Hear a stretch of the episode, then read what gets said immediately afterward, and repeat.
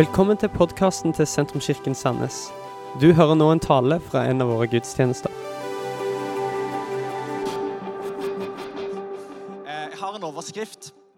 Radikal nåde, fornyet etterfølgelse. Det har ikke bare vært overskriften for i dag, men egentlig for de siste søndagene. Og Hvis jeg skal gi en, en alternativ overskrift, så vil jeg gi denne dypere.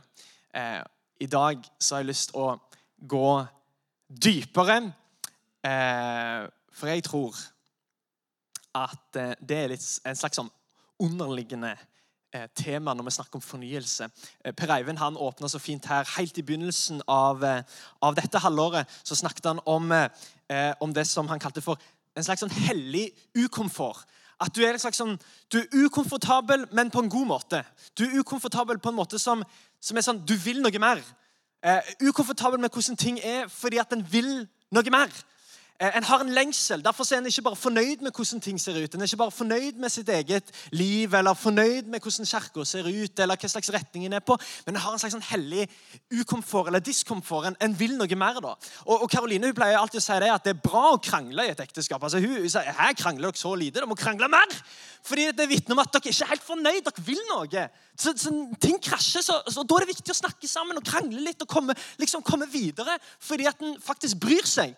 Hvis en ikke bryr seg, ja, da har en jo ingenting å krangle over. da, da er alt fint og greit, Men hvis en bryr seg, så, så er det noen gnisninger av og til. Og Sånn tenker jeg litt om det kristne livet. at det, det er bra at vi går gjennom noen sånne sesonger der vi kjenner at å, nå er, jeg, jeg vil mer. Jeg vil at det skal være mer. Jeg vil, at, jeg vil oppdage noe mer.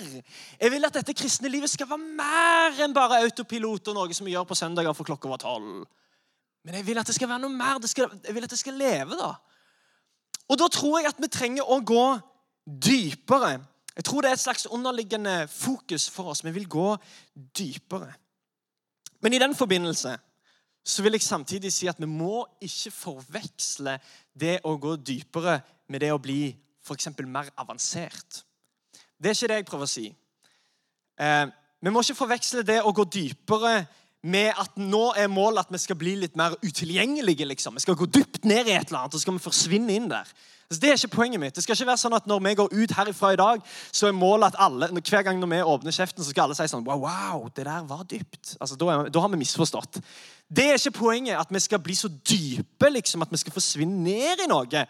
Eh, fordi at det å gå dypere med Jesus Jeg tror av hele mitt hjerte at det å gå dypere i troen, dypere i Guds ord, dypere med Jesus, dypere med Den hellige ånd Jeg tror av hele mitt hjerte at det gjør at vi faktisk blir mer tilgjengelige. At vi kanskje blir mer forståelige. At vi får et klarere, tydeligere bilde av hva det vil si å være en troende. For Vi ser jo det på pinsedag. Hvis du har lest i Apostlenes gjerninger, så står det at eh, når Den hellige ånd kom og fulgte disiplene Ja, de begynte å tale i tunger, men det skjedde en annen veldig viktig ting. Og det var det at De begynte, å, de, de begynte å tale med frimodighet for de menneskene som ikke kjente Gud. Og for de menneskene som ikke hadde møtt Jesus. Plutselig så snakket de på en måte som gjorde at 3000 ble lagt til menigheten den dagen. Det var 3000 som skjønte hva de sa. Så det å bli fulgt med Den hellige ånd det gjør deg ikke rar. Det gjør deg egentlig bare mer tilgjengelig og mer forståelig for folk som ennå ikke tror. Det tror jeg på. At Den hellige ånd, og Målet er ikke at vi skal bli litt sånn merkelige eller rare. Men målet er at vi skal få en klarere og tydeligere forståelse av hva det vil si å være en kristen. Og hva det vil si å være en troende.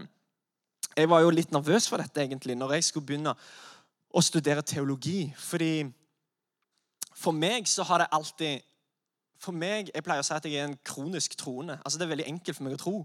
Det er ikke noe jeg stresser med. Og jeg vet at alle har det ikke sånn, men for meg så var det veldig enkelt å tro. For meg var det veldig selvsagt. Mitt vitnesbyrd er at jeg alltid har trodd.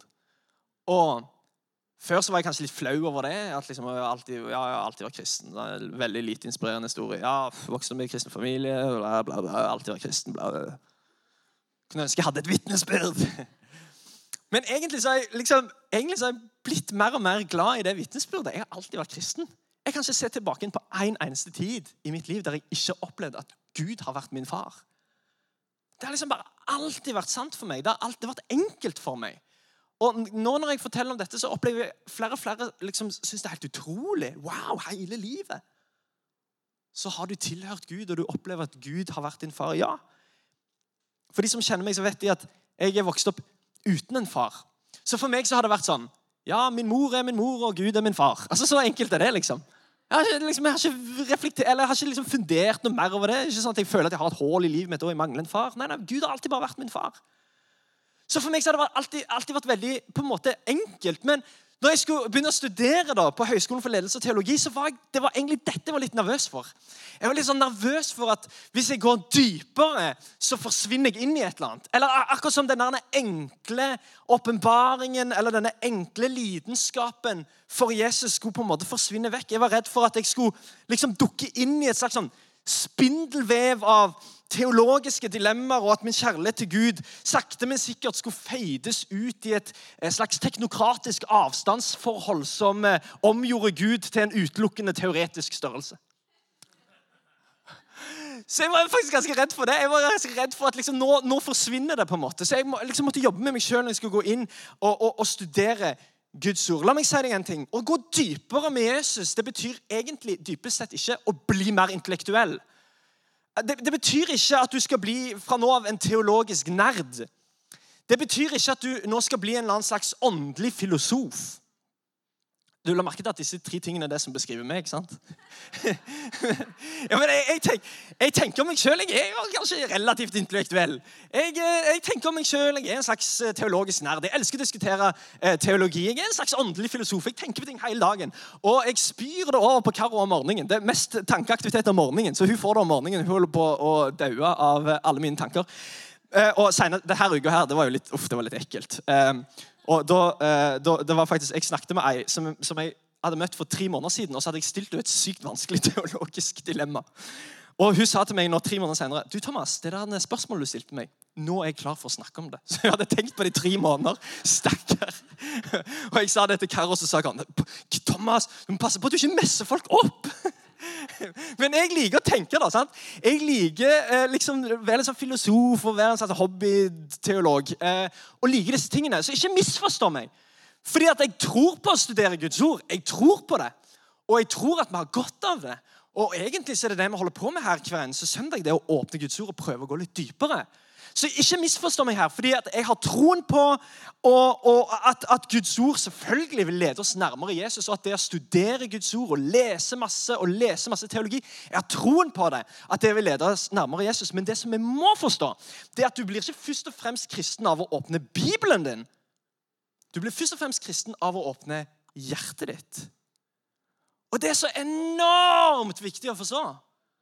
Fordi at Når folk sier til meg sånn ja, men faktisk, så har jeg faktisk lest Bibelen jeg faktisk, jeg har faktisk lest Bibelen mange ganger. faktisk, faktisk. Så tenker jeg sånn, Det bryr meg ingenting, for du har lukka hjertet ditt for lenge siden. Du vet, Det er ikke Bibelen som gjør meg til en kristen. Det er en historisk hendelse som jeg tror på, som ja, noen hundre år senere ga oss Bibelen. Men det, det var den rekkefølgen. Det var en historisk hendelse som ga oss Bibelen. Så min tro er ikke fundamentert i Bibelen dypest sett. Er fundamentert i en historisk hendelse. Når Guds sønn hang på korset og døde for mine feil og mine mangler. Det er et eh, vers som jeg har fundert litt på denne uka som ligger bak. Jeg skal eh, få det opp på skjermen her. Og, Det er et litt sånn alvorlig vers, for Jesus han sier egentlig at at, eh, at ikke alle som sier 'Herre' til han, Ikke alle som sier 'Herre, Herre', skal få lov til å komme inn i Guds rike. Så sier han dette. Mange skal si til meg på den dagen, 'Herre, Herre, har vi ikke profetert ved ditt navn?' 'Drevet ut onde ånder ved ditt navn' og gjort mange mektige gjerninger ved ditt navn. Da skal jeg si dem rett ut. 'Jeg har aldri kjent dere.' Bort fra meg, dere som gjør urett. Dette, dette er interessant. Og for Jesus han sier jeg skal si disse folka rett ut. Jeg har aldri kjent dere. Vi tenker så ofte at det å være kristen det handler om å kjenne Jesus. Men kanskje viktigere enn at vi kjenner han, er det at han har fått lov til å kjenne oss. Jeg håper ikke at du misforstår meg. for jeg tror, ja absolutt, jeg tror at å åpne Bibelen vår det skal vi gjøre, det skal vi lage en vane av. og Det, det, det tror jeg er überviktig. Men vet du hva, det hjelper ikke. Uansett hvor mye du åpner Bibelen din, hvis ikke du samtidig åpner hjertet ditt. Det hjelper ikke at du kan alt om Jesus. Hvis ikke han har fått lov til å komme inn i ditt liv og bli kjent med deg. Jeg skal egentlig ikke bruke så mye tid med dette verset, men jeg har lyst til å ta deg inn i en annen historie fra Johannes, kapittel 3. Eh, og denne historien syns jeg er eh, superinteressant, fordi Jesus han, han blir møtt av en fyr som heter Nikodemus, som kommer til Jesus midt på natta. Eh, og I Johannes 3, 16, som vi kjenner, eh, så, så, så, så, sier altså Jesus at for så høyt har Gud elsket verden, at han ga sin sønn den enbårne for at hver den som tror på ham, ikke skal gå fortapt, men ha evig liv. Det er i denne samtalen med Nikodemus at Jesus kommer med disse ordene som eh, så mange av oss kan, enten vi er vant til å gå i kirka eller ikke, så har vi kanskje hørt om Johannes 3, 16. Nikodemus han besøker Jesus midt på natta. Eh, og Det sier kanskje noe, uten at vi skal liksom ha for mange hypoteser. Men, men det som vi må vite om Nikodemus, det er at han var ikke en sånn ung spjæling som liksom, liksom, hadde begynt å studere teologi og hadde noen spørsmål. Han var en fyr som, eh, som visste veldig mye fra før av. Han var en gammel mann, faktisk. Og Han var medlem av det som heter Sanhedrin, som var en, en samling av de 70 mest innflytelsesrike jødiske lederne og lærerne og dommerne. De hadde makten til å dømme i alle religiøse saker i Israel på denne tida. Så han, dette var en fyr med makt. Dette var en fyr som visste ting, som kunne ting, som visste hva han snakket om. Og I denne samtalen så åpner faktisk Nikodemus med å si eh, Jesus, vi ser alle tegnene som du gjør, som vi har allerede antatt eller i hvert fall, han har allerede antatt at du må være fra Gud. Og jeg er sikker på at på denne tiden og de vennene som Nikodemus egentlig hang med, og disse andre jødiske lederne og lærerne, jeg er sikker på at ikke alle var enige med Nikodemus. For en del av deres oppdrag det var å ta sånne som Jesus, som utga seg for å være Gud, og bestemple de som kjettere og stemple, stemple de som noen som vi ikke må høre på, og helst straffe de og helst ta livet av de. Mens Nikodemus hadde sett antar jeg. Han hadde sett noe av det Jesus holdt på med, og tenkt med seg sjøl det her er for vilt. Jeg må få en samtale med han. Han møter han midt på natta. Og Nå åpner vi dette spørsmålet, eller åpner vi denne, dette sitatet. Du må jo være fra Gud. Så fortsetter Jesus, bare hopper rett inn i det, og sier Visste du at eh, du må bli født på ny for å se Guds rike? Og han skjønner egentlig ingen, han forstår ikke hva han snakker om. For han, altså Husk Nikodemus er en gammel mann. Så han blir liksom Hæ, hva mener du? Blir født på ny? Altså, Jeg er jo gammel, og mor mi altså, hun er iallfall gammel. sant? Hvordan skal jeg inn igjen i mors liv? Altså, idiotisk spørsmål. Men det var på det nivået. sant? Han skjønte, han forsto ikke hva Jesus snakket om. Jeg synes det er interessant, Nikodemus visste hva han snakket om. Han kunne ting, han visste hva han snakket om, men skjønte ikke hva Jesus snakket om. Og Jesus egentlig så, så avfeier han det ganske fort og sier ikke, ikke dvel så mye på akkurat det der. Det som er viktig å forstå, det er at det som er født av kjøtt, det er kjøtt. Og det som er, det som er født av ånd, det er ånd. Så du må bli født på ny for å se Guds rike. Dette var ny, ny informasjon. Det var ny teologi. Det var noe en ikke hadde hørt før. Denne innflytelsesrike respekterte jødiske lederen, fariseer, grundig opplært i loven, står det. Grundig opplært i profetene.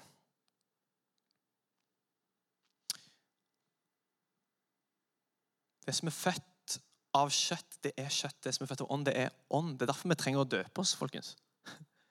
Jeg vet ikke om du har tenkt på dette. Du er her av ufrivillighet og uvitenhet. Du, du, det er ingen av oss som hadde, en, eh, hadde stemmerett på om vi skulle inn på, på, i denne kloden. Så Justin Martyr, som levde ca. 100 år etter Jesus, han sa det. At vi er alle sammen her av ufrivillighet og i uvitenhet. Vi er bare her. Vi, vi, sånn er det bare. Vi kan ikke gjøre noe med det. Det var helt ufrivillig, og jeg visste ingenting om det. Jeg bare ble satt her. Derfor, så sier han, Det er derfor vi trenger å bli døpt, for det er en frivillig fødsel i vitenhet. Det er den fødselen som jeg bestemmer meg for. denne er jeg.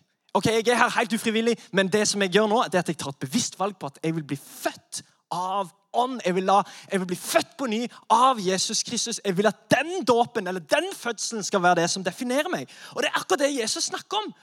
at vi trenger å bli født på ny. Vi trenger, vi, vi, vi trenger, en annen dimensjon. Vi trenger at han flytter inn, at han blir kjent med oss. Ikke bare at vi kjenner han. Nikodemus kjente Gud. Han visste alt om Gud. Han hadde lest masse om Gud. Han var en ekspert på Gud. Han kjente han, men, men Gud kjente ikke Nikodemus. Jesus hadde ikke ennå flytta inn i hans liv. Du må bli født på ny. Og så tar han fram et bilde. Han snakker egentlig språket til Nikodemus, Jesus. Jesus snakker videre om en historie fra fjerde Mosebok. Han tenker kanskje må jeg vise til noe, noe som du allerede kan, eller noe du allerede har lest. Og Da trekker han fram en veldig interessant historie fra fjerde Mosebok, der Moses altså har ledet eh, israelsfolket ut av Egypt, og de går rundt i denne ørkenen.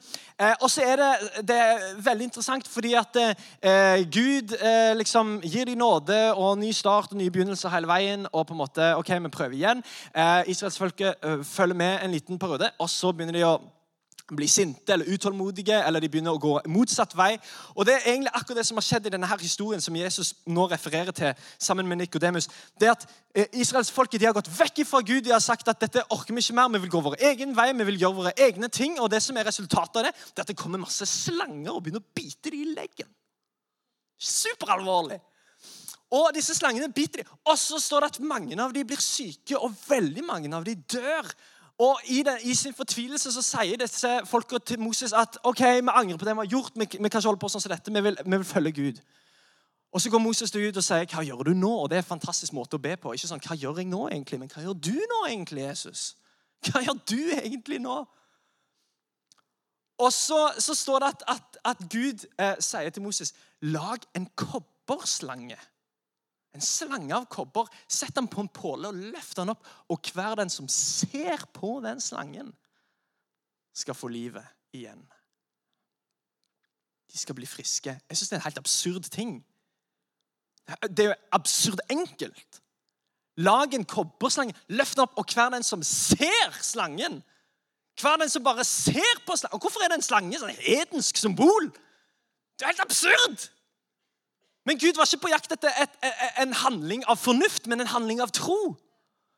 Så jeg sier hver den som ser på slangen, skal bli frisk. Og Det er akkurat dette han refererer til. Jeg skal lese det til deg I Johannes 3, vers 14 så sier altså Jesus til Nikodemus, som ikke skjønner noen ting av å bli født på ny, så han forklarer det sånn som dette. Og slik Moses løftet opp slangen i ørkenen, slik må menneskesønnen bli løftet opp, for at hver den som tror på ham, skal ha evig liv. For så høyt har Gud elsket verden at han ga sin sønn den enbårne for at hver den som tror på ham, ikke skal gå fortapt, men ha evig liv. Gud sendte ikke sin sønn til verden for å dømme verden, men for at verden skulle bli frelst ved ham. Det er akkurat som litt mellom linjene her at Jesus egentlig anerkjenner ok, Nikodemus, du har gravd dypt, men du har gravd i feil brønn. Du har, du har gått ganske dypt, men du har misforstått poenget.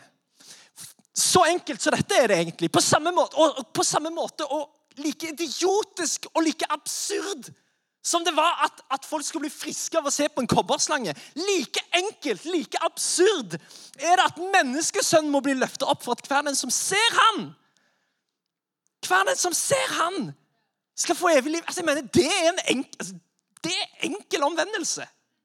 Skjønner du? Jeg blir så irritert av kristne forkynnere som gjør det så vanskelig å omvende seg. Det er så mye greier en må gjøre, og det er så mye opplegg og hiv og hoi. Mens egentlig det Jesus sier Jesus sitt bilde på omvendelse er 'se riktig plass'. Det er ikke sikkert du engang trenger å gå 180 grader. Kanskje så trenger du bare 30 grader. Altså, skjønner Du Du trenger bare se riktig plass. Det er omvendelse. Det er det det vil si å være en kristen. Det at du, at du går vekk fra det som du en gang var opptatt av og vekk fra det som en gang ga deg identitet og mening og hensikt og håp. Og så ser du riktig plass fra nå av. Følge etter Jesus Kristus. Det det, vil, det det vil si å være en kristen. Det er det det vil si å gå dypere, folkens. Den som ser på Jesus Vi kjenner ikke hele historien til Nikodemus. Han dukker opp igjen to ganger til to ganger til i evangeliene.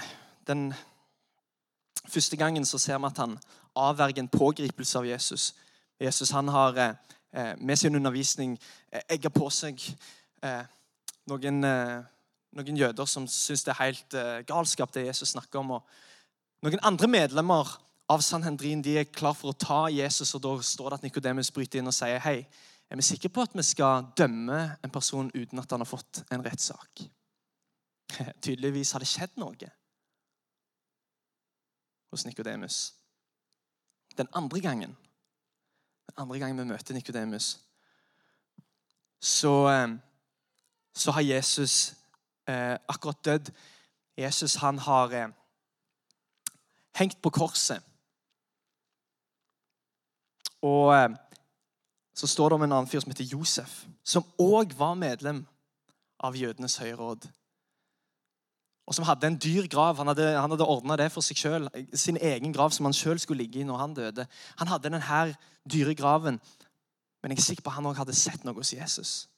Så han får tillatelse til å faktisk ta liket og legge det i sin egen grav. Og her dukker òg Nikodemus opp. Og Nikodemus har med seg 100 pund verdt av oljer og salver og allo. 100 pund, altså Det er nok til å balsamere 200 døde kropper. Kan ikke bære det med. Altså Han hadde en vogn, eller han, altså han hadde hjelpere. Et eller annet. Han hadde med seg mye. Han var klar for å gi Jesus en rojal begravelse. Jeg klarer ikke å, se, jeg klarer ikke å lese det og tenke at dette er noe annet enn en handling av tilbedelse. Her, her er alt jeg har. Det, altså det er, vi snakker altså titusenvis på titusenvis på titusenvis hvert av greier. Vi vet jo ikke hva Nikodemus gjør i mellomtida.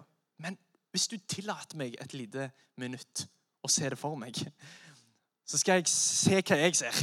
Jeg skal si hva jeg ser. Jeg ser for meg Kanskje at Nikodemus denne kvelden, denne natta han har vært sammen med Jesus. Han har hørt om å bli født på ny, og han har hørt om kobberslanger og at Gud elsker verden. og Dette er ny informasjon. Eller det er, fall, en, det, det er helt andre briller å se Skriften med. Og Han tenker med seg selv, han går hjem, han går ikke hjem og legger seg selv, selv om klokka er altfor mye. Han går hjem og åpner skriftrullene. han. Og Han begynner å studere. Det første han gjør, er å til fjerde Mosebok og se på den, denne historien med ørkenen og, og Moses og kobberslangen og, og, folk som skal bli friske. Så går han videre og så ser han kanskje i noen av profetene, kanskje så ser han i noen av salmene, eller kanskje så ser han i, i noe annet som plutselig begynner å poppe ut på en helt ny måte. Han begynner å se det med helt andre briller. Kanskje så har han begynt å henge litt mer med denne Josef, som òg kanskje har gjort noen av de samme oppdagelsene. Dette må jo være Messias. Ja, det må jo være Messias. Dette må jo være han vi venter på. Vi ser jo tegnene, vi hører undervisningen. Vi klarer ikke lenger å benekte det, og kanskje så i, i, i, sammen så, så, innser de at de har faktisk snakket med Guds sønn. Så når Nikodemus hører at Jesus har dødd, eller han selvfølgelig visste han om det, alle visste om det, så kom han med sin tilbedelse og klar for å gi Jesus den begravelsen han fortjener. Han fikk nye briller å se med. Han så ikke bare loven, men han begynte å oppdage nåden. Hver side i boken ble annerledes. Hvorfor? Fordi at han først og fremst hadde åpna hjertet sitt. Ikke bare åpna Guds ord. Plutselig så ser han mer. Jeg husker når Ray Bevan var her sist, de som, de som kjenner han eller um, har hørt han, en venn uh, av Sentrumskirken, må vi jo si, har vært her et par ganger og talt om Jeg husker Sist han var her, så sa han sånn eller Han prekte et eller annet fantastisk nådebudskap, og så kom jeg da i skade for å gi han et kompliment. Det skulle jeg aldri ha gjort. Men jeg, jeg sa til han sånn Du vet hva jeg elsker når du taler, for du finner alltid nådevinklingen i alt. Så bare ser han på meg. Ja, det er bare en vinkling. Så jeg bare ja, ja, det er jo det. Men så sa han en ting som forstyrrer meg litt. Og så sa han sånn og dette er hard kost. Han sa sånn Men det er bare ditt loviske hjerte som gjør at du ser noe annet. Det traff skikkelig hardt. Her gir jeg han et kompliment, og så stikker han meg i ryggen som takk. liksom. Men, men jeg måtte tenke på det her. Og vet du hva, Det ble en, sånn, en liten sånn Jeg vil ikke si at det ble en reise, men det ble i hvert fall noe jeg måtte fundere mer på. Han var så overbevist. Ja, men det er jo bare en vinkling. Det er jo bare ett budskap. Det er jo bare nåde. Det er jo bare godhet. Alt er nåde. Det er bare kjærlighet. Og jeg tror det er sant. Og når vi ser med de brillene at Gud er kjærlighet, at korset var 100% nåde, og at det livet som jeg og deg er kalt til å leve i, det er òg 100% nåde. Når vi begynner å leve med sånne briller, når vi begynner å lese Guds ord med sånne briller, wow, da ser vi jo bare godhet. Da ser vi, wow, da ser vi Guds godhet i alle ting. Nikodemus hadde gravd dypt ned i Guds ord, men det var ikke før han så dypt inn i Jesus sine øyne, at han begynte i sannhet å forstå hvem Gud er. Og på dette verset fra Paulus, 1. Korinterbrev 1, vers 19, så står det at eh, det står jo skrevet Jeg vil ødelegge de vises visdom, og de klokes klokskap vil jeg gjøre til intet. Hvor er da de vise? Hvor er de skriftlærde? Hvor er denne verdens kloke hoder? Har ikke Gud vist at verdens visdom er dårskap? For da verden ikke brukte visdommen til å kjenne Gud i hans visdom, besluttet Gud å frelse dem som tror, ved den dårskapen som vi forkynner. Altså, eh, til og med Paulus han, han innrømmer det jo. Det er jo, den, det er jo en dårskap vi forkynner. Det er, det er jo absurd. Det er jo enkelt. Det gir ikke mening, egentlig, med all verdens kunnskap og visdom. Det er så enkelt. La meg si det på denne måten. Johannes 3, 16, det er så dypt som det går. Det går ikke dypere enn Johannes 3, 16. Det er ikke mer å oppdage. Altså, Misforstå meg rett her. Men hvis du vil gå dypere sammen med Gud, så er det ikke noe mer enn hans kjærlighet du trenger å bade i. Det er ikke noe mer enn Guds nåde du trenger å bade i. Det er ikke mer. Johannes 3, 16 er så dypt som det går. Og hvis du forstår det, så har du forstått alt. For Nikodemus hadde lest absolutt alt. Og Han kunne alt. Han, hadde, liksom, han, han, kjente jo Gud, men Gud hadde ennå ikke fått lov til å bli kjent med han. Og det var ikke før han sto og snakket med Gud, øyne til øyne, åpnet seg opp for han, at han begynte å se livet annerledes, begynte å se Guds ord annerledes, begynte å se verden annerledes. Og det var dette enkle ordet om at Gud elsker verden, for så høyt har Gud elsket verden at han ga. For at hver den som tror, ikke skal gå fortapt, men ha evig liv. Jesus kom ikke for å dømme verden, men han kom for å frelse verden.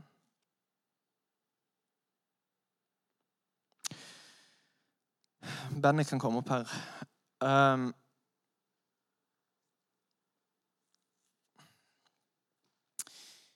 hva, er en, eh, hva, er en, kristen? Jeg liker å si at uh, en kristen er en som har Det er en som har overgitt seg til Guds nåde.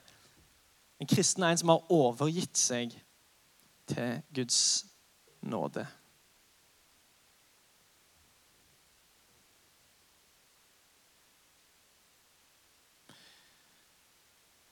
Uh,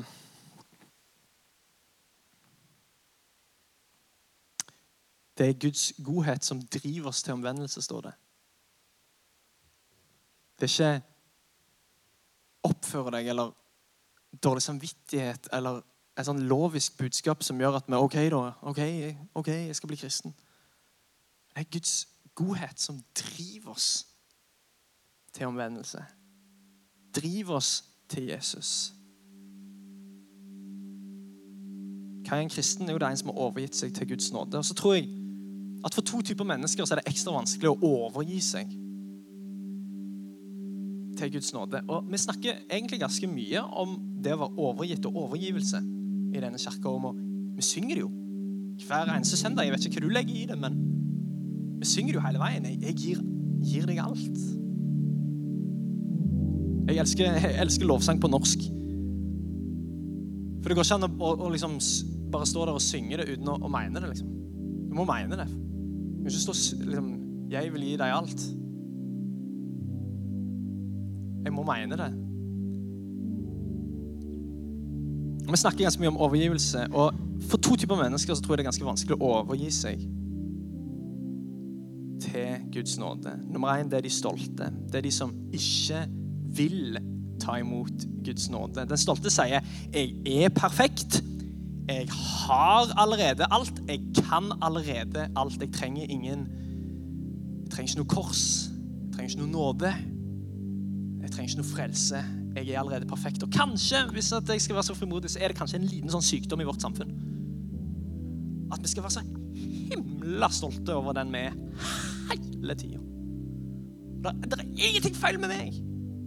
Hvis noen setter et ord eller liksom, liksom antyder at jeg kunne jobbet med meg sjøl, så er det liksom Shame on you.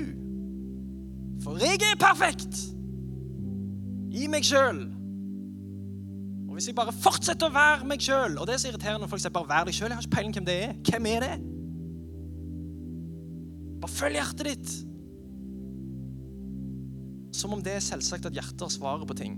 Mitt hjerte har ikke svart på en dritt. Og Jesus sa heller aldri det. Følg hjertet ditt. Han sa 'følg meg'. Ja, De stolte de, de, det er de som har bygd en mur rundt hjertet sitt, som sier ingen, ingenting skal komme inn på meg. i hvert fall. I don't need your charity.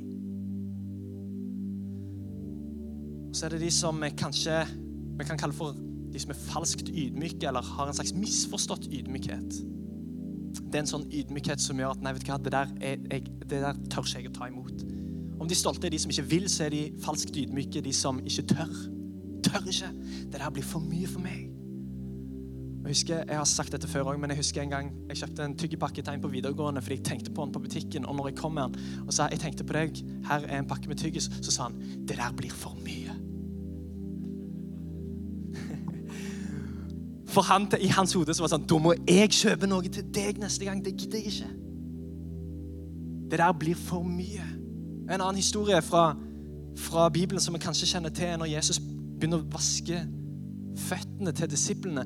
Og Peter, som jeg ser for meg, er i andre enden av halvsirkelen der, og Jesus han har begynt å å vaske den ene disippelen etter den andre sine føtter. Altså, dette er en gjeng mennesker som har begynt å innse hvem Jesus er. Altså, de har begynt å innse at han er ikke bare en smart mann. Han er ikke bare ekstra vis. Men han må være en profet, han må være sendt for Gud. Kanskje er han Guds sønn. Og Den ene etter den andre lar Jesus, som er universets president, oppføre seg som en tjener og en slave og vaske føttene. Sure, ekle, stinkende, svette 40-årskriseføtter. Og Peter som sitter i den, den liksom andre enden og bare ser dette skje, han er helt forferda han begynner å planlegge liksom en, en forsvarstale til hvorfor Jesus på ingen måte skal vaske hans sine føtter. Og når han kommer til Jesus, og dette står i Bibelen, dette er ikke det jeg sier, han sier aldri i livet om du skal vaske mine føtter. Aldri i livet om det skal skje. Og Jesus svarer meg egentlig og sier men, men, men, Peter, hvis ikke du lar meg Hør på ordlyden i dette. Hvis ikke du lar meg vaske føttene dine, så har du ingen del i meg. Hvis ikke du lar meg vaske føttene dine, så har du ingen del i meg. Og da hopper han rett på og sier men da kan du vaske alt. Her er jeg, liksom. Men det, dette er nøkkel. Fordi kanskje i jeg, jeg, Nå kjenner ikke jeg alle dere, sant? men men kanskje så har vi sånn, og kanskje det er også en sånn slags sykdom, iallfall i kristenheten, og i, hvert fall i Vesten, og i hvert fall i Skandinavia og i hvert fall i Norge. At Vi skal være så himle ydmyke på bekostning av oss sjøl. Altså, Uff, nei, å nei, beklager at jeg fins. Fra nå av så skal jeg tale bak det teppet der, for det er mye mer ydmykt. Men, men ydmykhet er ikke å tenke mindre om seg sjøl, bare å tenke litt mindre på seg sjøl.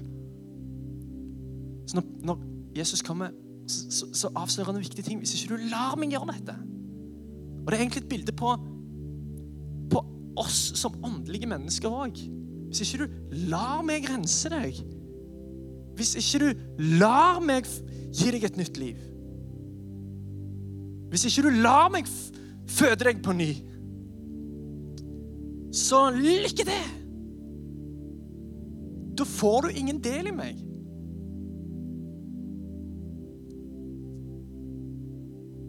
Så misforstått ydmykhet vil i praksis holde oss vekke fra det Gud vil gi oss, det livet som han har for oss.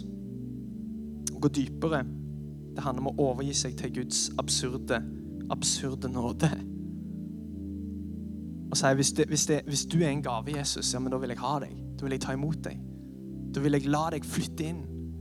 Åpne opp hjertet mitt. Få mer av deg.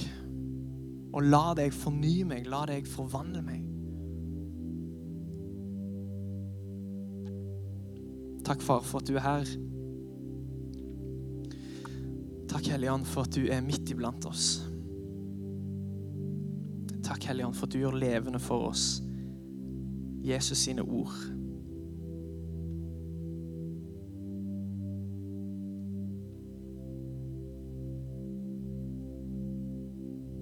Takk for at du kaller oss til overgivelse. Og først og fremst å overgi oss til din nåde. Takk for at det er din nåde som oppdrar oss. Det er din nåde som leder oss videre. Du kommer aldri med dårlig samvittighet eller fordømmelse. Du kommer alltid med nytt liv. Ny tro, nytt håp. Og Far, akkurat nå så vil jeg be for Sentrumskirka og be for alle som er her. At vi sammen skal få lov til å Gå dypere i din kjærlighet. Ikke forsvinne inn i noe utilgjengelig og avansert, men at vi skal få en klarere og tydeligere åpenbaring over hvem du er, og hva du har gjort for oss. Bli trygge på at vi er rettferdiggjort av deg. Vi er vaska reine av deg. Vi åpner opp våre hjerter og sier, 'Jesus, du er velkommen. Flytt inn. Tal til oss.' Vis oss mer. Dette var slutten på denne talen. Håper du har blitt inspirert. Om du har lyst til å vite mer om hvem vi er, eller hva vi gjør, eller har lyst til å høre flere podkaster, så kan du besøke vår nettside sentrums.no.